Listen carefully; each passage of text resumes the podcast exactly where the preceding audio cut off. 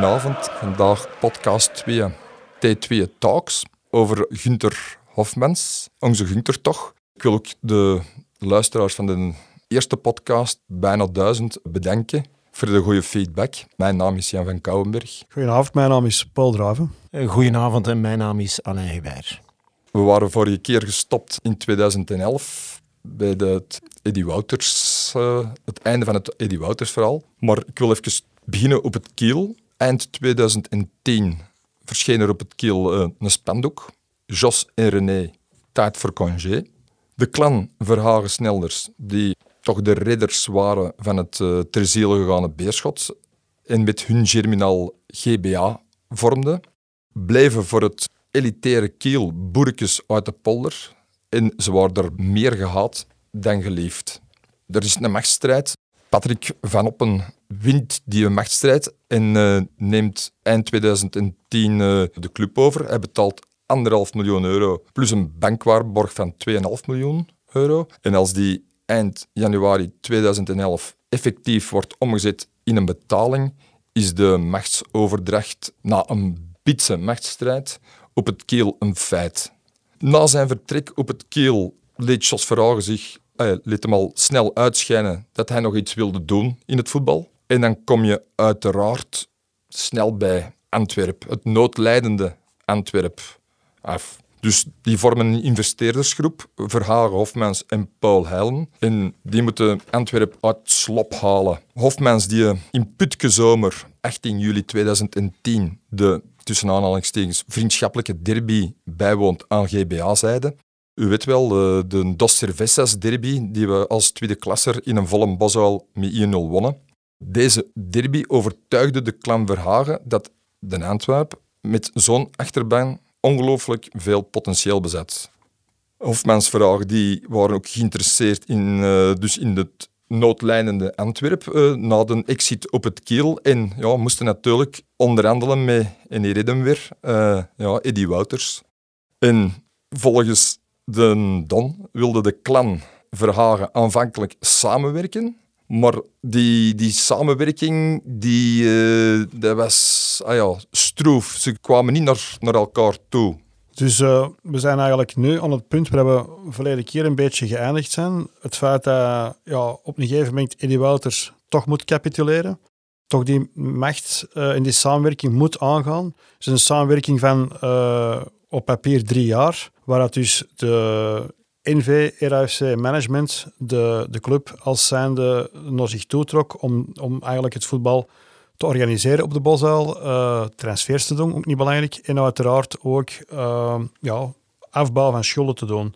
Uh, eh, 30 juni is toch een historische datum, omdat dan de dag erna voor de supporters toch een, eigenlijk een groot feest was met die Mars van de Hoop. 1 juli, dat is toch wel een datum dat iedereen zal herinneren. Maar Eddie Wouters aan zich zit nog altijd in die club. Dus je hebt dus de VZ2 RAFC, waar dat dus de club in zit. Kleuren, stemnummer en de naam. En daar is hij nog altijd voorzitter van. En dan komt hij een NV, die het dan eigenlijk de, ja, de geldbron gaat worden om Antwerp te gaan leiden. Maar Wouters zit er nog altijd in en dat begint vanaf eigenlijk dag 1 ja, een probleem te worden in die samenwerking. Het NV-management was eigenlijk het dagelijkse reilen en zeilen op de club. Ik moet er nog wel even ook bij zeggen dat in eerste instantie de groep rond eh, de klan Verhagen eigenlijk alleen maar spelers wou plaatsen op de Antwerp. Gratis ter beschikking stellen, om dan daarna ze te verkopen en om dat transfergeld te verdienen. De supporters hebben ook bijgedragen tot het tekenen van dat samenwerkingsakkoord. Omdat er in eerste instantie een protestmars was gepland, uh, die 30 juni. En op de vooravond van die protestactie zijn ze tot een akkoord gekomen. Dus eigenlijk ja, en we die confrontatie niet, niet aan, dat hebben we in, de vorige uh, episode ook al gezegd. En uh, ik denk dat dat ook ja, op die moment het beste was, dat er toch een beetje een nieuwe wind kwam op die club. Al was maar om die, ja, om die doorstaat, die we toch dringend nodig hadden, te bewerkstelligen. Wat er ook vrij snel is gebeurd, dat is een stukje uit dankbaarheid naar de vertegenwoordigers, om het dan met die naam te noemen van de supporters, uh, is er ook een snel een directiecomité opgericht. Dat is eigenlijk niet eigenlijk de, het bestuur van de NV, maar eronder een, een, een directiecomité waar dus drie vertegenwoordigers van de supporters in zaten. Ikzelf zat er ook in, Julian de Rieder en Philip van Ginsbergen. En wij kwamen regelmatig bij Jen, elke maand een keer op een dinsdag, om daar het reilen en het zeilen en vooral het, het supportersgebeuren, uh, de noden van de supporters, uh, daar aan te kaarten. Op die moment, in het begin, was dat, ja, dat was een voorrecht, want eigenlijk had je het gevoel als supporter dat je een stukje mee mocht, uh, ja, mee mocht beslissen over bepaalde kleine dingen die zich afspeelden in de club. En dan is ook het, uh, het ASA terug uh, in het leven geroepen, naast de FESC, de federatie. En dan uh, Philip van Gielsbergen, die voor Antwerpen 150 ook vertegenwoordiger was. En ik moet zeggen, voor mij was dat vertrouwen in het begin dat was superbelangrijk. Omdat je, ja, je zit in een situatie waar je maanden met elkaar hebt samengewerkt om die zet te kunnen doen. Dat komt er dan. Je wordt erbij betrokken. En ik had dan redelijk naïef van mij van te denken, een heel goed gevoel in het begin van dit gaat snel de goede richting uit. Maar helaas, maar daar zullen we steeds meer over zeggen. Ik denk ook dat de vragen clan of hofmens, of hoe dat we ze ook moeten noemen, uh, met heel goede intenties er zijn aan begonnen. Hebben dan een audit laten doen door Ernst en Jong. En bij mij weten zijn die resultaten ook nooit bekend geraakt van die auditgroep, omdat het zo'n uh, wirwar van constructies en lijken uit de kast was? Het was eigenlijk heel simpel. Op een gegeven moment zijn die jongens die dat er dagelijks, want ik was ook veel op die club in die periode, met kartonnen dozen, met kaften rondlepen. Die zijn er op een gegeven moment mee gestopt, hebben gezegd, dit wespennest, uh, wij maken hier zelf een, een, een einde langs contract, zonder dat daar juridische gevolgen aan waren. Maar we hebben dus echt, ja, dit, hier stopt het voor ons, omdat het te massief was, te groot was, een, een hele spaghetti en een wierbaar van, van, van constructies. En die hebben dan ook geadviseerd Hè? Aan Gunther Hofmans, doe het niet. Stap daar niet mee in, want het is een, het is, het is een, allee, ja, een, een gigantische oefening die wij ook niet opgelost krijgen. Ernst de dat zijn, dat zijn, geen, dat zijn geen kleine spelers. Dat, is een, dat is een redelijke grote, deftige firma. Ja, uh, en Hofmans heeft dan toch de stap gezet. ik denk dat dat een stukje, ja, die eraan kunnen, die zeiden, die, die, die, die, die pijn hadden, geleden op... Eh, eerst, eerst dat Schemen alles stopt van te bestaan. Dan op die beerschot, er werd dan ook niet alles roze geur en maneschijn is, waar ze dan ook eigenlijk een beetje militari moeten vertrekken. En die eraan kunnen, heeft hem dan toch uh, ook het geloof van zichzelf van ja, ik kan dat hier wel waarmaken als technisch directeur. En dat heeft er dus toch toe geleid dat dus, uh, ze zijn, er zijn ingestapt. Ja, en maar ik denk ook dat ze snel door hadden dat de schulden en de lijken die uit de kast velen, ja, dat ze dat onderschat hebben. En dat ze dat snel door hadden van, ai, hier gaan wij uh, ons op ja, doodrijden. Hè. Het zijn twee grote zaken. We hebben reeds verteld dat dus met de familie Colin, Colver, uh, was gesetteld. Dat was geen 4,2 miljoen dat ze hebben moeten terugbetalen, maar wel 1,6. Dat is ook gebeurd. Dat hebben die mensen ook terugbetaald.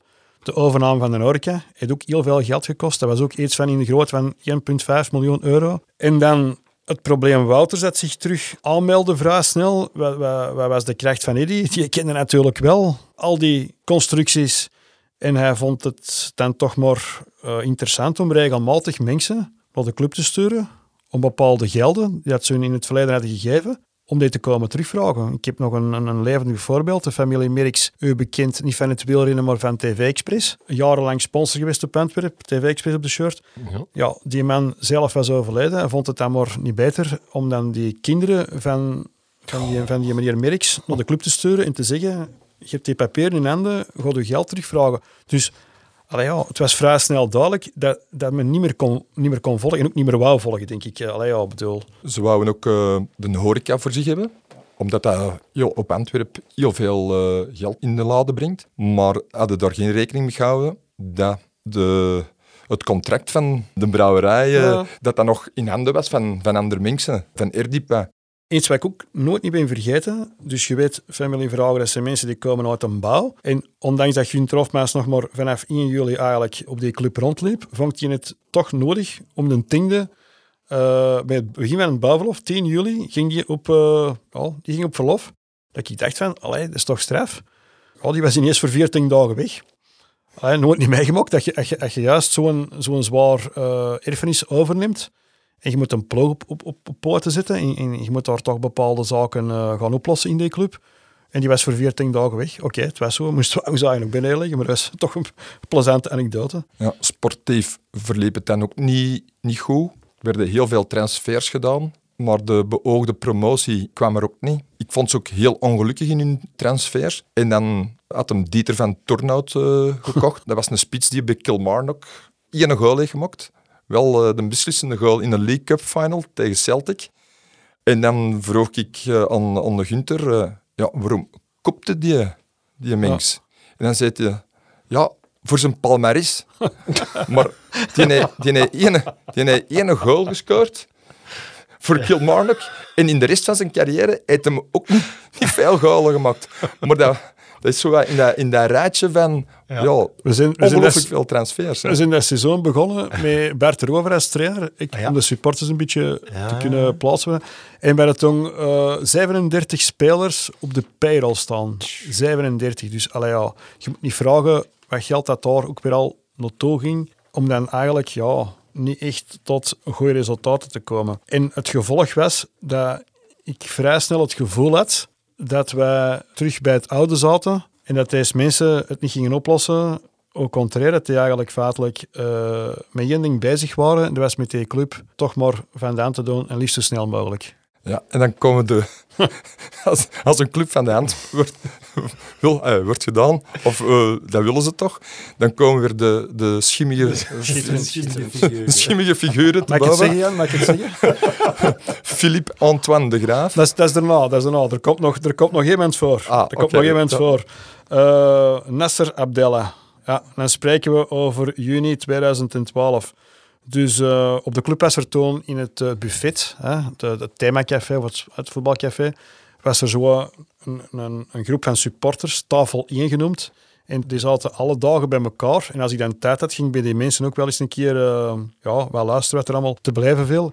En die Nasser Abdella, die kwam daar, ja, dat was een, een chique tip, die kwam daar binnen. En die had wel wat gevoetbald bij Cirkel Brugge, neem ik aan. En, en was ook in het verleden jaar was die een uh, voetbalmakelaar. En wij geraken met die gast onder de klap en die zegt op een gegeven moment, droog weg, ja, ik kan de club overnemen. Ah ja, ja. Dus we hadden al van alles zien komen en ruilen en zelder. En van waar komt die Nasser Abdella? In juni 2012, toen hij Hofmans nog op het kiel zat, had hem toen al uh, met hem zaken willen doen. En op een gegeven moment moesten er dan een viertal spelers uh, geleverd worden dat er dan uiteindelijk uh, twee bleken te zijn. Die stonden nogal vrij zwaar, jongens. Dus dat is er ook eigenlijk niet echt... Dus of mensen kenden je Nasser Abdella, maar toch, ja... En er heeft er een, een paar dagen, een paar weken zelfs, heeft dat er een geven in nemen geweest. En, en, en, altijd maar over een cheque van 10 miljoen euro. Totdat op een gegeven moment, Jan was erbij trouwens, hebben wij het initiatief genomen om eens een keer bij Gunther op de bureau te gaan en te vragen van, zeg, uh, hoe zit het hier eigenlijk? En, uh, en dan werd daar een uitspraak gedaan die ik nooit in mijn leven zal vergeten. En het volgende werd dan uitgesproken door Hofmans. Uh, ik weet dat ik onderhandel met een charlatan, maar als morgen het geld er is, dan verkoop ik de club. Ja, allee, ja. Maar uh, het geld was er niet. Nee, tuurlijk En Nasser Abdella, die had zelfs geen belwaarde. Nee. Want die vroeg dan aan mensen in het buffet, mag ik eens even zo'n telefoon dat gebruiken? Ja, echt gebeurd. ja. Maar ondertussen, ondertussen, 2012, is onze Eddie Wouters ook uh, voor uit de club gebannen. Beweert zelfs dat hij een stadionverbod heeft dat gekregen. Klopt, dat klopt, ja. Ja. Volgens de mensen van bepaalde instanties, de voetbalcel, die zijn daar uh, aan de deur geweest in de villa in Zoorsel. En zoals we dan Eddie Wouters kennen, die weigerde dan die een brief van, dat stadionverbod aan te nemen. Ja, ik kan, kan het ergens wel begrijpen, maar bedoel, uiteindelijk uh, zijn ze er dan toch geslaagd van die een brief af te geven. En dat was op begin jan, januari 2012 is dat allemaal gebeurd. En dan was Eddie Wouters ook wel officieel weg uit de club. Maar ja, toen gingen de, de problemen beginnen. En dan denk ik dat we was er een nieuwe voorzitter. Een nieuwe Absoluut. En dan komen we eigenlijk terecht bij de heer Jan Michel. Jan Michel is geboren in 1955. Hij was ook een echte rasechte Antwerpenaar. Hij studeerde in 78 af als advocaat en verbond zich in die functie dan later ook aan onze club. Hij doorliep ook alle, toch ook wel belangrijk, alle jeugdreeksen bij Antwerpen. En hij haalde het zelfs tot bij de invallers. Uh, hij volgde Karel Vertongen op als ondervoorzitter van de club in 2011 en nam daarna, niet tegenstaande dat hem toch wel bekend stond als een van de rechterhanden van Wouters. Oh, had er één, maar zwart. uh, op, jan, 9 januari 2012 heeft hem dan via een, een uh, tweede buitengewone algemene vergadering na 42 jaar voorzitterschap van Eddie Wouters het stuur van het zwalpende schip overgenomen. En uh, dat is eigenlijk een acte de trahison, comme on dit en français, die Wouters nooit had zien aankopen en nooit verwacht had. Hij heeft dan in datzelfde jaar naarstig op zoek zijnde naar de juiste Messia-sponsor om het pad naar de Jupiler Pro League terug opwaarts te kunnen bewandelen. Heeft hem dan een korte verkennende vliegt alsnog verhinderd dat de club in handen zou komen van een paar Qatarezen. En dan ging hem zijn heil zoeken, en dat is wel een goeie, want dan ging hem zijn heil zoeken en spoedig ook vinden bij ene Saif Ruby. En Saif Ruby, dat is een spelersmakelaar. Maar voor Saif Ruby waren er nog dus kan, kandidaat schimmige figuren, uh, overnemers. En uh, ja, dan er net zijn naam ook al gezegd, uh, Philippe Antoine de Graaf. Ongelooflijk figuur, meesteroplichter, maar ook een hilarisch interview op ATV, waar dat hem uh, dus beweert uh, voor de club over te nemen. Maar dan, uh, als er geld op tafel moet komen, is er een mail met de verkeerde rekeningnummer. en dan begint het te dagen bij de heer Hofmans dat deze figuur eigenlijk niet de, de juiste figuur is. Maar op, op een vrijdagavond komt de Peter Mertens van de Lats bij mij aan de deur. Jakke, je moet meekomen naar de stad, naar de Napschaar, een café op de Sint-Jansvleet, want onze kandidaat-overnemer is daar. Ja, goed, hè. wat pink te drinken. Alles voor de club. Alles voor de club. Uh, en die Philippe uh, Antoine, heel een tijd antwoord.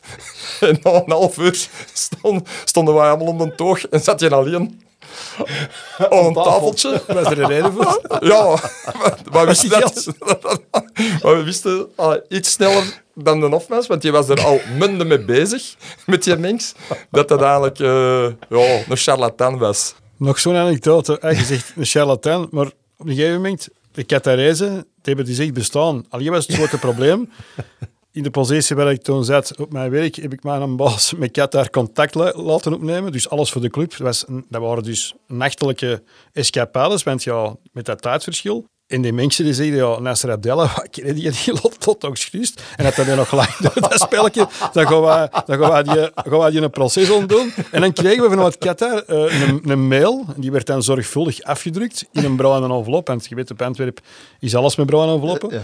En ik mocht die dan aan uh, ja, de, de huidige voorzitter, ja, Michel, overhandigen. En toen waren ze toch overtuigd dat dat dus niet echt klopt, het jij die Qatarese mensen... Of dat, dat dat ja, eigenlijk totaal niet ja, Philip Antoine de Graven, dat was een schoon, een schoon anekdote. Jan? Later ook nog uh, riskeerde die vijf jaar gevangenis. Uh, met ook een aantal op, oplicht, uh, oplichtingszaken, zoals de videobewaking in de metro van Sofia. Van Sofia. die marcheerde niet. Of uh, Oostblok dames hij was van alle markten thuis. Laat ons, uh, laat ons zo zeggen. Matroeskas avant la lettre. Maar je, kunt dus, ah, je kunt dus lachen, gasten, maar ik bedoel, ons club gaat hier wel, allee, ja, denk heel een zaaie draadje. Absoluut. En dan komen, we, dan komen we vrij snel in mei 2013. En hetgeen dat er de mensen toch moeten weten, dat toen eigenlijk Patrick de Kuiper voor de eerste keer in beeld. En ik, ik, ik blijf dat nog altijd een zotte week noemen. 20 mei 2013, begin van de voetbalsoap. Op ATV wordt er gemeld dat er dus een nieuwe club op het kiel gaat spelen en die gaat Antwerp United eten. Ja, je moet dan, wat je dan voorstellen, Beerschot is voor een tweede maal gestopt met te bestaan. Na de fratsen van uh, onze vriend daar. In Berenpak? Ja, ik weet niet of we dat Berenpak toen nog aan had, want dat is ook weer uh, allee, ja, zwet. Maar allee, ja, dus dat kwam, dat kwam eigenlijk heel hard aan, omdat je dus ja, al een paar jaar ervoor de situatie net gehad van ja, alles op alles te zitten voor die club toch te proberen mee te redden en die, en die levensvatbaar te maken. En dan komt, komt die voetbalsoap op gang. Dus Antwerp United, nooit, nooit niet van, van gehoord. Ja, iedereen begint naar elkaar te telefoneren. En wat blijkt dan dat uh, de stemnummer van Zulte Waregem door Patrick de Kuiper naar Antwerpen zou gebracht worden.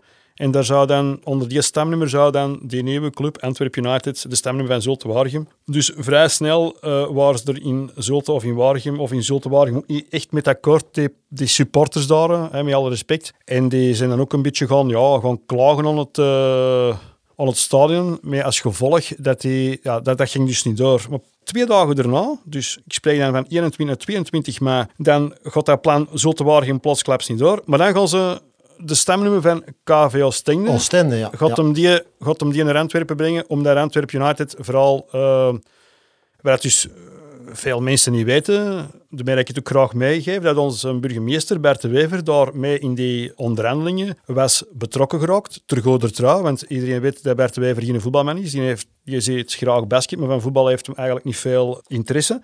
Dus ja, en daar stonden we dan met als gevolg dat we dan toch vrij snel hebben gereageerd en ook weer een mars hebben georganiseerd op het stadhuis. Ook dat vooral van die KVL Stengde, dat, dat springt dan af op 24 mei.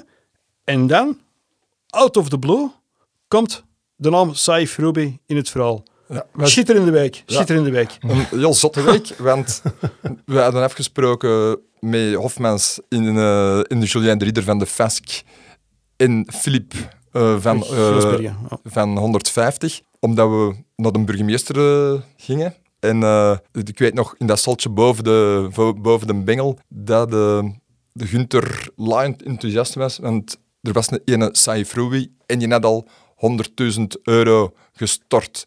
We zijn dan ja, bij de burgemeester gegaan.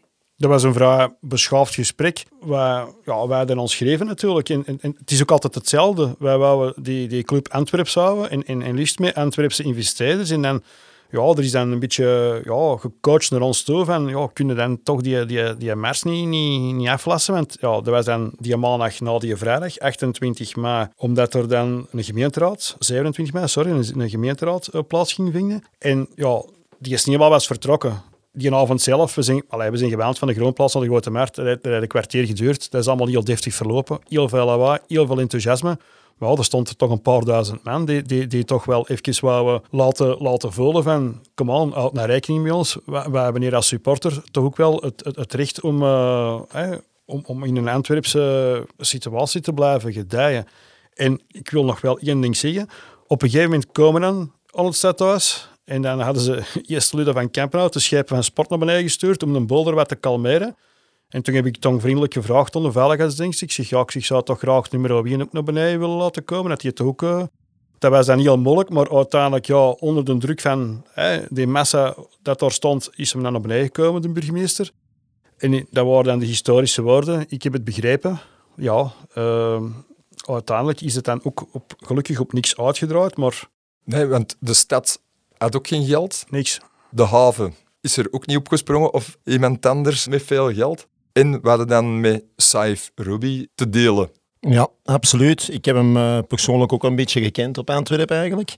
En ik had er toch direct een goed gevoel bij. En ik denk dat ook de man was die eh, eigenlijk de daden bij het woord wou voegen. We hebben dat gezien. Uh, het was inderdaad, zoals ik al zei, een spelersmakelaar. Die had een, onze ambitieuze voorzitter, want dat mogen we wel zeggen. Ja, Michel deed echt alles eraan voor de club terug op gang te krijgen. Die er maar al te graag in zijn gedachtegang wilde bijstaan en volgen. En onder het motto geen woorden maar daden, toch wel direct als mij al voor een tweede klasse ploeg, met een T1 uh, naar voren kwam uh, met de gekende Jimmy Floyd Hasselbank. Toch wel iemand, een ex-spits van onder andere Chelsea en Atletico Madrid. En dat hem die toch naar de Bosuil heeft getroond. We mogen ook niet vergeten dat we toen ook nog serieuze problemen weer eens hebben gehad met de BAS, met het Belgisch arbitragehof. Hè, dus voor onze licentie die in gevaar was. En dat dan toch wel Saïf Ruby ook weer op de proppen gekomen is voor Wouters te sussen eigenlijk, via het consortium waar dat hij deel van uitmaakte. Daar moet ik nog even op terugkomen. Van, eh, Hofman zei heel veel transfers gedaan, maar we hadden ook Ring kon een transferverbod. In, in, in, juni en, en, in, en, in, december hadden wij een, een, uh, een transferverbod. Ja. Het, is het is eigenlijk nog veel schrijnender. Als je op een gegeven moment... Allee, ja, ik denk dat ik zoals de meeste mensen dat van hun eigen vinden die in voetbal geïnteresseerd zijn, toch wel iets van, iets, iets van voetbal kennen. Maar als je nu 100 spelers hebt gehaald in die jaren, in die paar jaar dat ze er hebben, hebben geweest, Je hebt nooit een ploeg gehad. In het laatste jaar onder Hofmans, dat was de slechtste klassering aller tijden in de geschiedenis van de club. Dus ja, we bestaan nu 140 jaar. Ik denk niet dat je nog veel lager kunt. 100 spelers en dat dat heeft ongelooflijk veel geld gekost. En dat je die, allee, er zijn spelers bij, jongens, Afrikaanse jongens, die, die naam, die kunnen gaan niet meer, dat herinner gaan niet meer. Die hebben die meegespeeld. Ik weet dat niet. Er waren een paar jonge gasten ook bij, maar, maar oké, ja, Wim de Dekker, dat weten we nog allemaal. En Geoffrey Hermans, dat waren ook de gasten die het begin van de heropstanding hebben mee kunnen in gang zetten. Maar als je 100 spelers altijd, je nooit een ploeg, ja man. Dan... Dat is ook een, uh, een euvel op Antwerp, dat er op die moment dat jij al die transfers moet doen, dat jij niet kunt terugvallen op je jeugd, omdat de jeugdwerking verwaarloosd weer door de club en dat de TVO toen, Alex Vervekke, stond ook op de loonlijst van Man United en PSV. En de grootste talenten, als we die al hadden, die werden dan doorgesluist door uw verantwoordelijke van de jeugd naar andere clubs. Die gingen persoonlijk brengen. Klopt. En ik wil er ook nog eventjes op inpikken. Men, men, men kijkt ook altijd naar de stad. En, en ik, heb zelf, ik heb dat zelf ook gedaan. zeg, kunnen die dan geen stadion bouwen? Of kunnen, die dit of niet kunnen die dat? Maar de stad heeft, heeft toch ook altijd de nodige fondsen uh, voor ons jeugdwerking ter beschikking gesteld. En dat, was toch een redelijk, dat waren toch redelijk grote bedragen. En dan kwam er nooit een topsportfonds. Dat, als je er een beetje over nadenkt, maar eigenlijk feitelijk hadden wij er gericht op. Want we waren een, een ordinaire tweede klasser. Voor ons was dat gewoon natuurlijk, omdat we supporter waren. Maar eigenlijk heeft, heeft Antwerpen ook toch van de stad... En dat was dan elke keer opnieuw met die, met die, met die ambtenaar van de stad al die dossiers samen puzzelen. Ja, en dan kreeg je natuurlijk van die situaties uh, trainers die uh, eigenlijk op de payroll stonden bij de jeugd. Die werkten dan bij de technische staf van de eerste ploeg. Ja, zo werkte dat hoor. Het gebeurde ook, uh, als het, het geld weer nergens te vinden was, dat ze het ook bij de jeugd gingen halen voor de eerste ploeg. Klopt, ik heb daar, ik heb daar een zeer schrijnend voorbeeld van. Op een gegeven moment een, een, een kerstfeestje, uh, ja, waar dan plotsklaps uh, meneer, meneer Weggen en meneer Bistio binnenkwamen.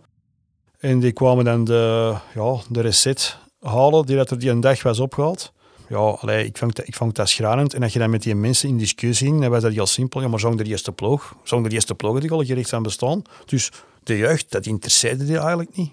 Dat was, dat was een blok in hun been. Dus, uh... En dan uh, wilde het ASA uh, de, de jeugd helpen. en waren wij met het jeugdbestuur en met het stadsbestuur, uh, Ludo van Kampenhout, overeengekomen voor in de Roze Maai een nieuw sportcomplex, hey, dat, bestaande sportcomplex, te herwaarderen. En dan gingen we landen bij Jan-Michel en Hofmans. En dan zeiden die doodleuk, maar nee mannen, wij pakken de Wilrakse plein. Die, die gaan wij pakken. Omdat die een beerschottoon ook niet meer, niet meer bestond natuurlijk. Dat is natuurlijk ja, een, slag, een slag in je gezicht. En, en, je kunt van ASA ook veel dingen zeggen. Hè. Maar AZ heeft toch ook, ook zijn verdiensten in die zin van de bosuiltjes. was toch ook 25.000 euro die rechtstreeks aan de club werden geschonken. Uh, ik herinner me eigenlijk nog een welbepaalde dag in november 2012.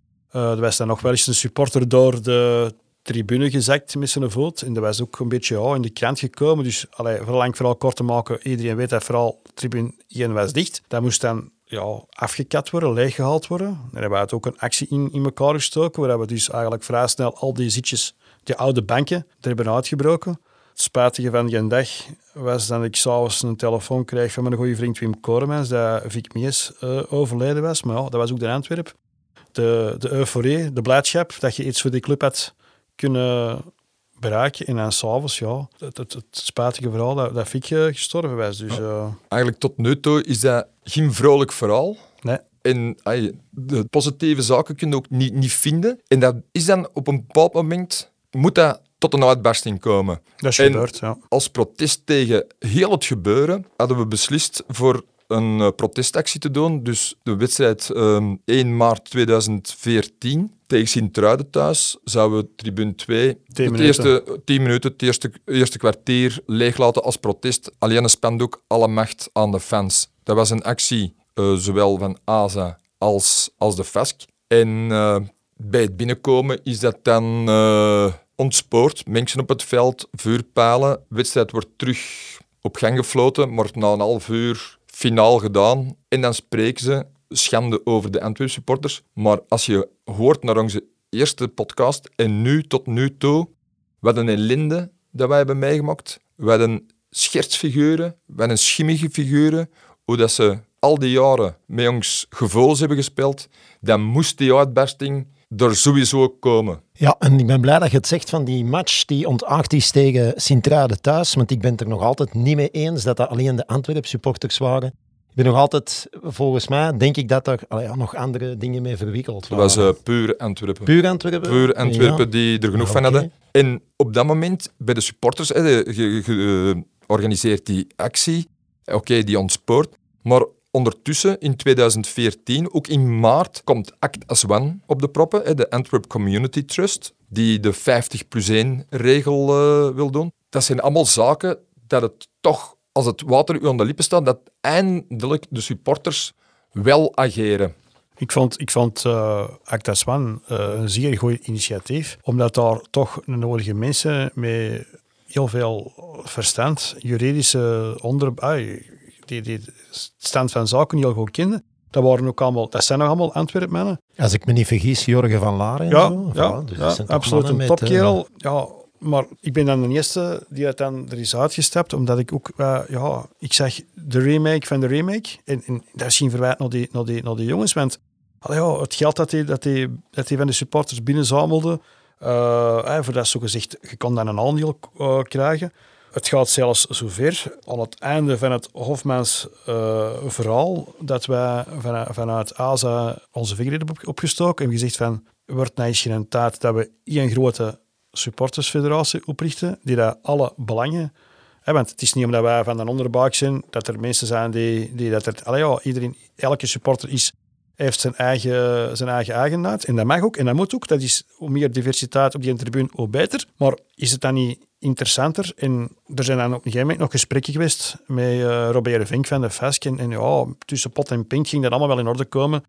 En tot op de dag van vandaag stel ik vast dat alleen ASA, dat dat de grote jongens waren, dat die hebben gezegd van oké, wij gaan onder de vleugel van Acta Swan, omdat we daar een veel betere structuur eh, vinden. En ik was ook een beetje ontaard van Melantaar, want al die jaren van straat... eh, Ondertussen was er eh, in het bestuur nog een zekere Luc van Tillo bijgekomen. Een, Ja, en Luc van Tillo, daar kunnen we eigenlijk alleen maar respect voor hebben, vind ik persoonlijk. hè. Dat is dan een persoonlijke eh, mening. Ik zal hem even proberen te typeren. Het is een eh, bekend aannemer en eigenaar van de internationale firma AVT Europe in V uit Essen. En hij werd een algemeen directeur van onze club in 2012 plus 1, laten we het zo stellen. Hij zag zich als backup van eh Gunther Hofmans, de gedelegeerd bestuurder, en dat hij zich dan meer kon gaan toespitsen op de sportieve werking van ons club. Hij greep naast de beoogde 750.000 euro bedoelde subsidie voor de renovatie van onze tribune 1 toen. Dankzij de toenmalige minister, dankzij tussen haakjes, eh, de minister van Sport, Filip Muiters, die dat liever de vetpot van de 8 miljoen verdeelde onder de eerste zeven clubs. En waar stond Antwerp? Op de negende plaats in de ranking. En dus die liet dan liever dergelijke clubs in de kou staan. En dan hoopte dan Hofmans en Van Tillo uiteindelijk om de eh, belangrijkste werken voor aanvang van het seizoen zelf te bekostigen. Eh, hij maakte dan samen met Gunther Hofmans mee deel uit van het beruchte vastgoedbedrijf AVA, Antwerp voor alles, dat in Berchem een nieuw Antwerpstadion wilde neerpoten, wat zoals reeds gekend gelukkig eh, tijdig kon vermeden worden. Ja, en dan moeten we nog een paar figuren noemen die dat toen destijds op die, die club aan, aanwezig waren. Eh Karel Gerards, de algemene manager, directeur, manus van alles. Ja, dat was ook zo iemand die, die, er ook altijd was, maar, maar ja, niet altijd, allee, meestal niet door de supporters op handen gedragen werd. En eh, ja, dat zijn dan van die, van die ja, anekdotes. eh. Dus ja, dus eh Karel Gerards, ja, dat is de man die in 1963 geboren werd. Dat was de commercieel manager van Antwerpen van 1991 tot 2015, wat toch echt wel serieus lang was. Hij werkte in totaal dus ook 26 jaar voor de oudste club van het land. In 2002 werd hem, eh, dat is toch wel een leuk, een leuk detail, werd hem door toenmalig speler Bimbo Fatokun met de dood bedreigd. ja, echt waar. Wegens contractperikelen. Fattekun wenste niet bij te tekenen en de club wilde hem niet zomaar transfer laten vertrekken. Opvallend daarbij was dat, niet tegenstaande de ernstige dreigementen aan het adres van Karel Gerards, laatstgenoemde door de clubleiding niet ontslagen werd, maar in loondienst mocht blijven. Oh, uiteraard. Ja. Dus en, uh, hij heeft dus lang, volgens mij ook lang zijn functie, Karel heeft lang zijn functie kunnen aanhouden, omdat hij volgens mij de, het potje van Wouters kon dekken en dat, dat andersom het ook in de keuken, in de Antwerpenkeuken, dat, eh, dat ze elkaar hun potje aan het dekken waren op die manier. Mijn gedacht. Wat ik toch wel een, ook een belangrijke, een, een belangrijke anekdote vind uh, bij Karel Gerards, dat is dat hij, uh, op een gegeven moment werd ik bij hem uh, ontboden, na een, uh, nogal een, een, een, toffe match eigenlijk, een toffe thuiswedstrijd, wat er heel veel gescandeerd was. En wat er vooral gescandeerd was toen was, Winnie springt, dat is een rat, en heel het stadion stond in lichterlaaien. En Karel had dat ook gehoord en vroeg aan mij, Alain, wat was dat daar, dat ze er ontroepen waren? ik zeg, ja, Karel, Winnie springt, dat is een rat. Ik zeg, en volgens mij is het een goed idee voor daar t-shirts van te laten maken. En uh, Karel vond dat, hij zei, ja, als jij dat gelooft. En hij zei tegen mij, hoeveel zou ik er laten drukken? Uh, een stuk of 500, hè, want we zijn tenslotte, dat was in de winter als ik me niet vergis, ja. hè, Putke winter.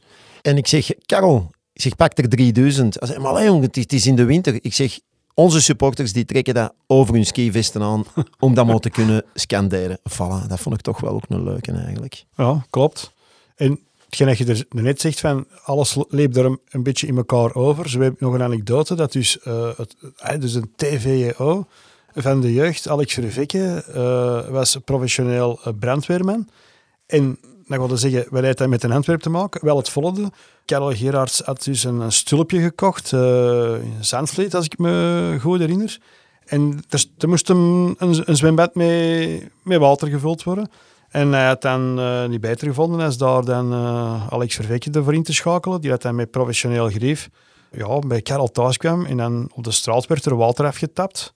Dus dat zijn van die koppelingen die dan allemaal de brandweer uh, gebruikt als, als tak in brand. Of je kent dat, iedereen kent dat, zo'n poltje. En dan, hebben dan, om het dan wat voorzichtig te spelen, hebben ze dat in, in twee keer gedaan. Dus ze hebben twee, twee shiften gepland om dat zwembad te vullen. En als je dan met iemand zoals een Paul erover klapte, en, dan zei je, oh Karel, als je bij de Karel thuis komt, dan, uh, een, een groep Antwerp, dan, uh, dan valt alles van de muur. Ja, wat moet, wat, wat moet dan een gewone supporter ervan denken? Hè? Dus, uh...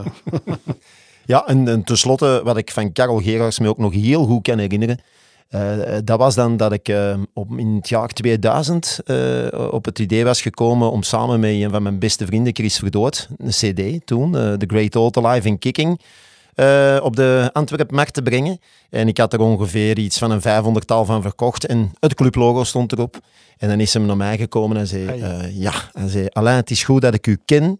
maar de eerstvolgende CD dat er nog binnen de club verkocht wordt, dan uh, doe ik u een proces aan. Het bekende Antwerpen-proces.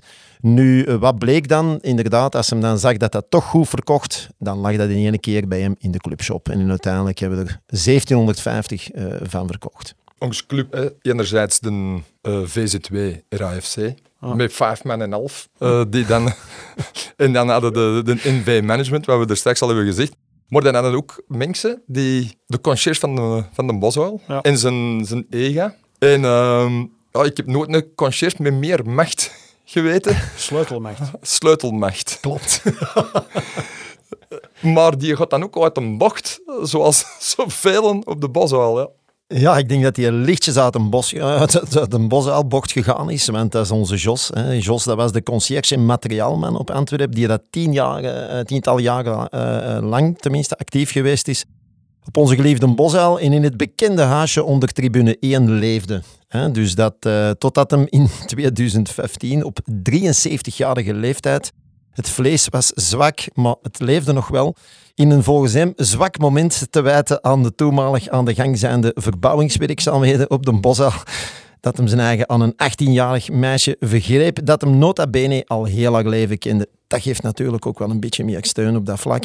Uh, en daarop door de correctionele rechtbank van Antwerpen beschuldigd werd van verkrachting en aanranding van de eerbaarheid van zijn slachtoffer. En dus uiteraard ook terstond ontslagen werd uit zijn functie en de club moest verlaten. Een daad waar dat hem uiteindelijk uh, veroordeeld werd met een gevangenisstraf van vier jaar met uitstel. Of hoe dat, ik zou zeggen, de Jos zichzelf gejost had. Uh, en de geliefde Bosuil voor eeuwig terug moest en, en, dan, en, dan, wil ik er nog aan toevoegen, ik weet niet of dat José een oogje heeft dichtgeknepen. Dat is, dat is voor de insiders. maar zo zie je, als, als wij heel de tijd erover bezig zijn, dat daar niemand, maar dan ook niemand kosher op die boshaar rondleep. Zelfs- maar het waren altijd de, de, er waren altijd de supporters. Die eh, waren of- schuldig. Die, waren schuldig. Die waren schuldig omdat die mal veer dronken waren. Dus het, het, het verbruik is, is vier keer groter dan in een, in een andere club. Die ja, toch altijd duizenden euro's nog betaalden aan, aan, aan ticketing en, en voor mij op verplaatsing te gaan. Die waren altijd schuldig. Maar nog zo'n anekdote. We hadden er nog een figuur die dat daar eh, in de voorverkoopshop, in de clubshop te werk gesteld was. Nogal een, een stevige struise man. En, en, ja, die hebben ze ook moeten ontslagen, omdat hij eh, ja, blijkbaar lijm aan zijn handen had, waar, de, waar de bankbriefjes aan blijven plakken. Dus allee, ja, dat is, ja, dat is hè, man. Ik bedoel, dat ik denk van, ja, hoe zit dat dan met de rest van, van, van, van het volk daar? En ik herinner me nog, als een deurwaarder er nog maar eens langskwam, dan, dan werd daar eh, al res eh, gebeld naar, eh, ja, naar Albera een kas uit. En dan werd daar eh, de centen in een, in een, ja, in een soort van een tegel, die werd dan losgevrikt en dan ging, ging het, cashgeld ging daar dan in een bruine envelop uiteraard. ging die, werd, dat was zo, ja, dag- dagelijkse toestanden. eh. Ja, ik heb geweten dat er eh, in het buffet, eh, dat Gabi, de toenmalige dame achter de toog tegen ons zei, eh, drinkt alle pinten op, want ze hebben het water weer afgesloten en ik kon het vanavond de afwas niet doen. Ja, maar dan, eh, als ik hoor dat het water wordt afgesloten, dan denk ik terug aan mijn goede vriend, of onze goede vriend Luc van Tillo. En dat staat trouwens ook in de film over Antwerpen, getiteld Take Us Home. Uiteraard waar Luc van Tillo een enorme rol in speelt en dat hem dus ook zegt dat op een gegeven moment het water eh, eigenlijk zo hoog eh, aan de lippen van de club stond, dat het ging afgesloten worden. Hè? Dat dus dat het, en dat hij dus in allerijl naar huis gereden is, als een kassen of zoiets eh, leeggemaakt. Hè?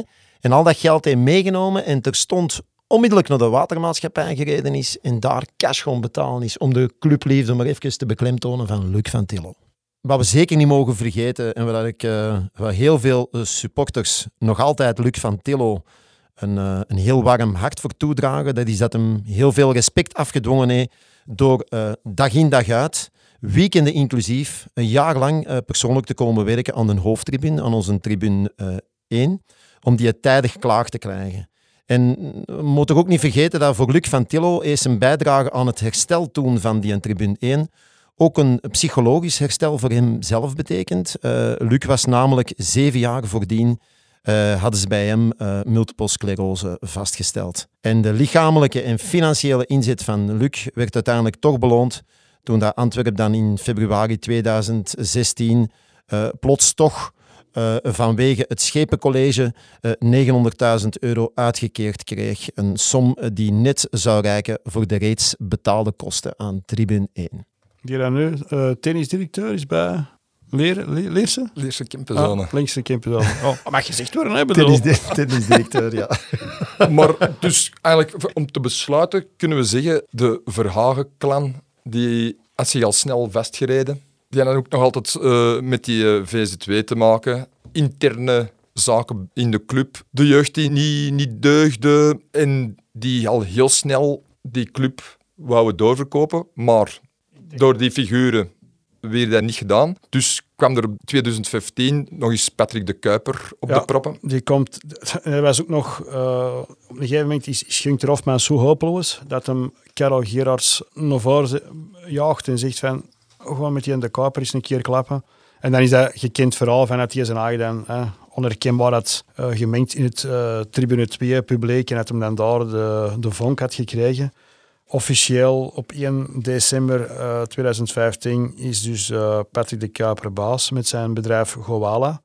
Hij heeft 95% van de aandelen, 4% Dirk Stoop en 1% Jan Michel. En dat is ook ineens het einde van Hofmans en, en Paul Bestiaux en andere figuren die dat we allemaal hebben opgenoemd. En volgende podcast gaat over de periode van Patrick de Kuiper naar Paul Gijzen. En ik wil nog één ding aan toevoegen. Persoonlijk heeft Hofmans een, een heel zwaar periode gehad. Dat dat bijna tot een echtscheiding heeft geleid. Eh, eh, we weten allemaal dat hij getrouwd is met de dochter van, eh, van, van Jos Verhagen. Dat is ook de beste transfer dat hij ooit gedaan heeft, denk ik. Maar allee, uit- uiteindelijk, al, als dat leidt tot bijna ja, een echtscheiding, omdat je, omdat je ja, op de familie wou ook dat er geen geld niet meer vanuit het eigen patrimonium naar die club ging, omdat dat een totale hopeloze zaak was.